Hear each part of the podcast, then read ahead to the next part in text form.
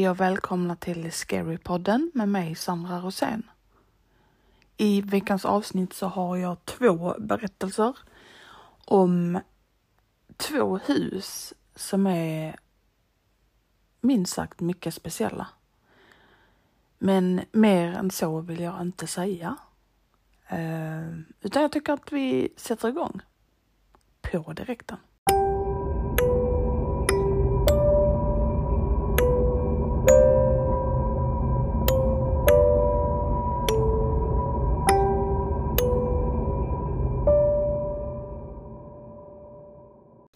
Vi bodde tvärs över gatan från en kyrkogård. Där jag lärde mig cykla och tog många promenader i. Så att bo där skrämde mig aldrig riktigt. Jag var alltid en nyfiken unge och gillade verkligen att utforska kyrkogården och titta på gravstenarna för att se om jag kunde hitta den ena äldre än den andra. Ibland, mitt i natten, utforskade jag huset som vi bor i. Titta igenom garderober, skåpsdörrar och vinden tills jag en dag bestämde mig för att titta igenom källaren. Jag gick ner för trappan strax efter midnatt på en tisdag. Mina föräldrar sov hårt i sitt rum. Som jag sa tidigare, jag var ett nyfiket barn och gillar att gå igenom saker bara för att se vad jag kan hitta. Men jag tog aldrig någonting tittade bara och la tillbaka det på sin plats igen. När jag kom till botten av trappan tittade jag runt på allt där nere. Vår källare såg nästan ut som en fängelsehåla. Smutsigt golv, kalla stenväggar som byggdes i slutet av 1800-talet, tidigt 1900-tal. Jag hade aldrig riktigt varit där nere tidigare eftersom jag visste hur det såg ut. Det fick mig att känna mig lite orolig när jag var där nere. Men jag var fast besluten att utforska och se vad jag kunde hitta. Jag märkte att min pappa hade lite träningsutrustning där nere i ett hörn av källaren. På andra sidan fanns lådor som hade gud vet vad inuti. Så naturligtvis var det dit jag gick.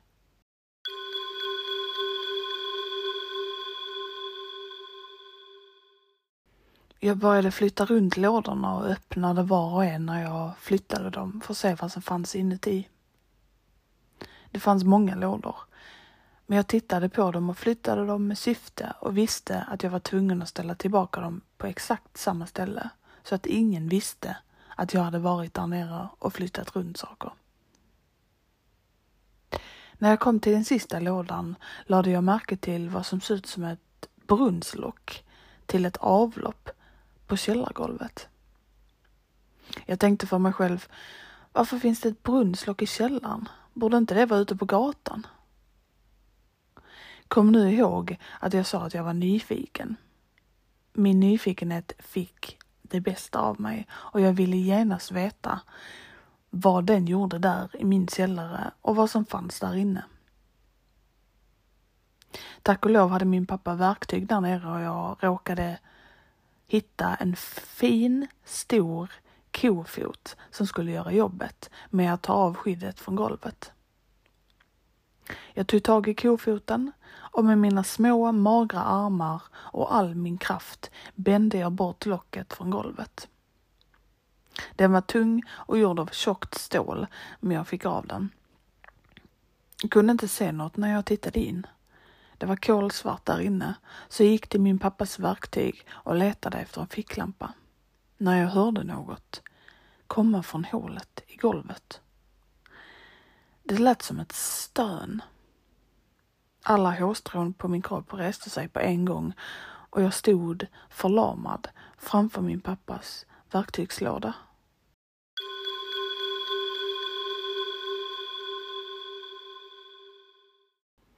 Jag tittade tillbaka på hålet, men såg ingenting. Jag tog tag i ficklampan och lyste inuti hålet. Det fanns en stege som ledde till ett jordigt golv under min källare och något som såg ut som en tunnel som ledde i riktning mot kyrkogården. Jag var chockad över vad jag hade hittat och min nyfikenhet blev mer intensiv. Jag gick tillbaka till min pappas verktygslåda för att se om jag kunde hitta en kniv eller något som skulle vara ett vapen. För säkerhets skull. Inte en enda gång tänkte jag håll dig borta från det där jävla hålet.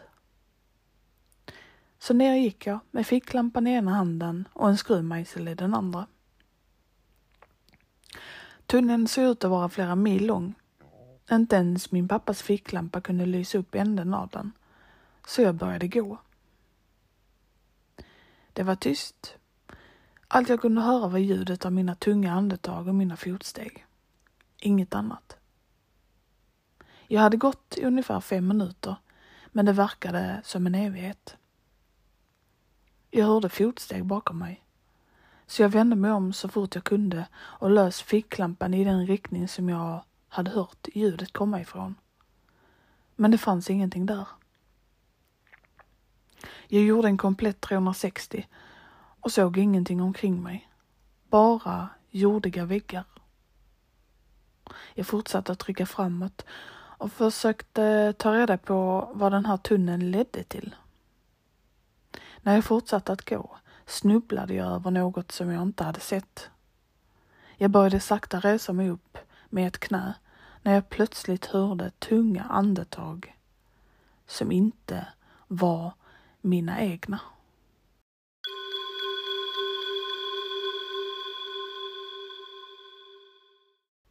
Jag tittade upp medan jag låg på knä på golvet och det var då jag såg det. En varelse som ser mänsklig ut på alla fyra, mitt framför mig. Det såg ut som något direkt ur dina mardrömmar. Blek, hårlös och huden såg nästan blöt ut. Den hade en mun, en väldigt platt näsa, men inga ögon. Ändå kände jag att den tittade rakt in i min själ. Den hade händer och fötter, men benen var böjda bakåt som en hund. Och där underarmen skulle vara såg det ut som om den hade en extra lem. Jag höll andan, undrade vad som kändes som en evighet och försökte tänka på mitt nästa drag. Ska jag köra in skruvmejseln i, i varelsens panna eller bara springa därifrån? Jag fick snabbt slut på alternativ eftersom jag inte hade någon aning om vad dess ins avsikter var eller vad den skulle göra. Jag bestämde mig för att springa tillbaka till min källare. Så fort som benen kunde ta mig reste jag mig upp och sprang. Jag sprang snabbare än jag någonsin hade sprungit i mitt liv utan att se tillbaka. Kunde höra den springa bakom mig och närma sig mig för varje sekund. Det gjorde också det där stönande ljudet som jag hade hört tidigare. Nu visste jag åtminstone vad det var som gjorde det där ljudet och det skrämde mig ännu mer. Jag sprang och jag grät samtidigt. Vem vet vad den där saken skulle ha gjort med mig om jag saktade ner en aning. Jag kunde se ljuset från källaren som kom genom hålet och stegen på avstånd.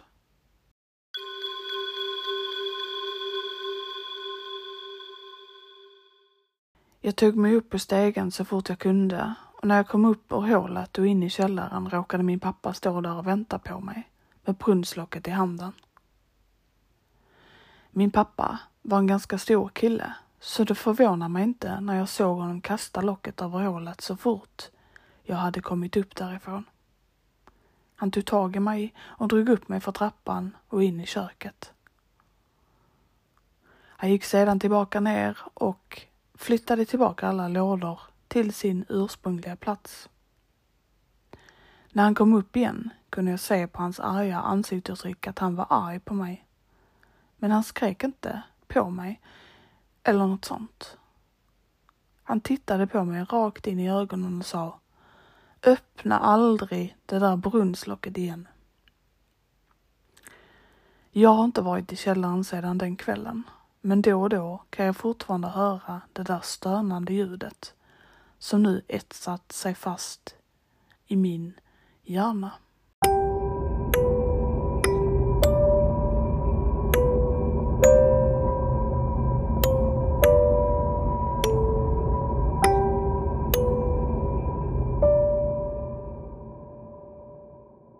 Min pappa hade köpt ett hus direkt för kontanter, bara på infall.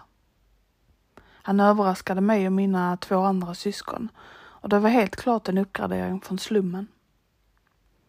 Han hade kommit över pengar som han inte ville förklara vart de kom ifrån. Och jag borde inte bry mig heller, för att det är inte det som är meningen med detta. Allt han sa till oss var att huset var billigt och han fick en bra deal för det.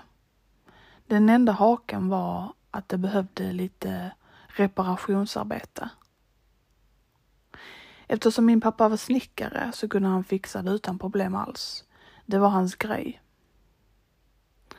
Och eftersom jag var det äldre barnet av tre fick jag hjälpa till med det och jag var inte så dålig på det själv. Det tog några månader att slutföra arbetet eftersom jag fortfarande gick i skolan, så det blev ett helgprojekt för oss två. Medan de unga lekte och gjorde sin egen grej. Min bror Tim var den fåniga och skrattade alltid. Han drog skämt och han ville bli komiker. Men han började förändras efter den första månaden som vi flyttade in och renoverade. Hans skämt blev färre och färre. Han blev elak mot vår yngsta syster. Han började svära och få slumpmässiga utbrott, raserianfall som skulle få honom att få problem med vår pappa. Han fick sina leksaker borttagna, vilket bara skulle göra saken värre. Vi hade ingen aning om varför han betedde sig på det här sättet. Och hans hälsa började bli sämre och vi frågade honom varför han var så här. Det fanns några gånger som han ville berätta för oss, men det slutade alltid med att han bara slutade mitt i meningen och, och fick ett anfall. En natt när pappa var ute och jobbade sent och jag var hemma med mina syskon började Tim bete sig illa. Jag ringde min pappa för att det nu var värre än någonsin förut.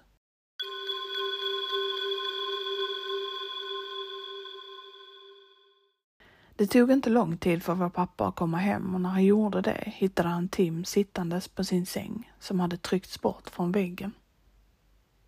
Han såg också att han hade attackerat en viss plats på väggen. Repor och bucklor tillsammans med röda markeringar från hans kritor, ritade i cirklar, kunde ses. Min pappa lyckades lugna ner honom när han grät okontrollerat i famnen på honom. Jag stod mot dörrkarmen och tittade på det hela och något sa till mig att han försökte berätta något för oss. Den helgen föreslog jag att ungarna skulle skickas iväg till vår faster och pappa gick med på det. Tim verkade okej okay hos min faster. Det sa hon i alla fall. Han var sitt vanliga jag och det blev vi glada över att höra. När jag visste att jag och min pappa var ensamma gick jag ner till skjulet och tog en slägga. Medan min pappa tittade på mig och undrade vad jag skulle göra. Han tittade på mig som om jag var galen när jag svingade släggan in i väggen, där Tim hade haft sitt lilla utbrott. Vad fan gör du pojk?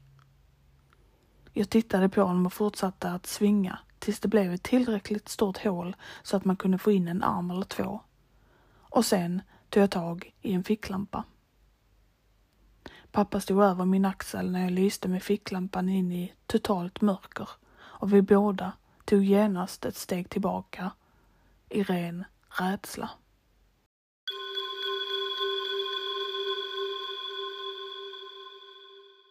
Min pappa drog mig tillbaka och drog ut en stor del av väggen tillsammans med några träbitar och där var det. En mumifierad hand faller ut med tre fingrar och pekfingret pekade ut. Vi drog tillbaka resten av väggen för att hitta resten av kroppen och fann att det var en kvinna. Pappa ringde genast polisen och de kom med ett rättsmedicinskt team för att undersöka allt som tog några dagar. Det visade sig att kvinnan hade mördats i Tims rum och hennes kvarlevor hade förseglats inne i väggen. Det som verkligen var obehagligt var det faktum att kvinnans hand, hennes pekfinger, var precis där Tims huvud skulle vara när han sov. När vi frågade honom nu om vad som pågick så tvekade han inte att berätta. Kvinnan i min vägg pratar med mig. Hon knackar på väggen när jag försökte sova. Men hon vägrar sluta. Hon skulle inte sluta förrän jag hjälpte henne. Men jag kunde inte säga något, för det kändes som om jag skulle kvävas. Detta var alltså orsaken till hans utbrott och hur han agerade helt annorlunda. När vi växte upp så glömde Tim helt enkelt bort det hela och vi nämnde aldrig det igen. Vi flyttade hemifrån strax efter och allt gick tillbaka till det normala. Vi fick aldrig reda på vem kvinnan var, vem som mördat henne och hur det gick till. Vi var bara glada att Tim är okej okay och att vi är ute ur det huset.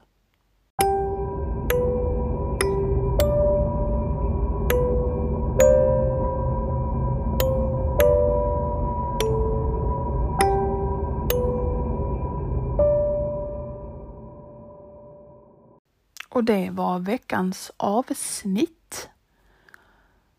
Och eh, jag har bara en sak att säga, eller kanske fler. Jag tycker ju att sådana här husberättelser, alltså om hemsökta hus, är de läskigaste. Alltså en av de läskigaste. För att jag är så rädd att jag själv ska vara med om det någon gång. Och alltså jag hade inte Alltså jag vet inte.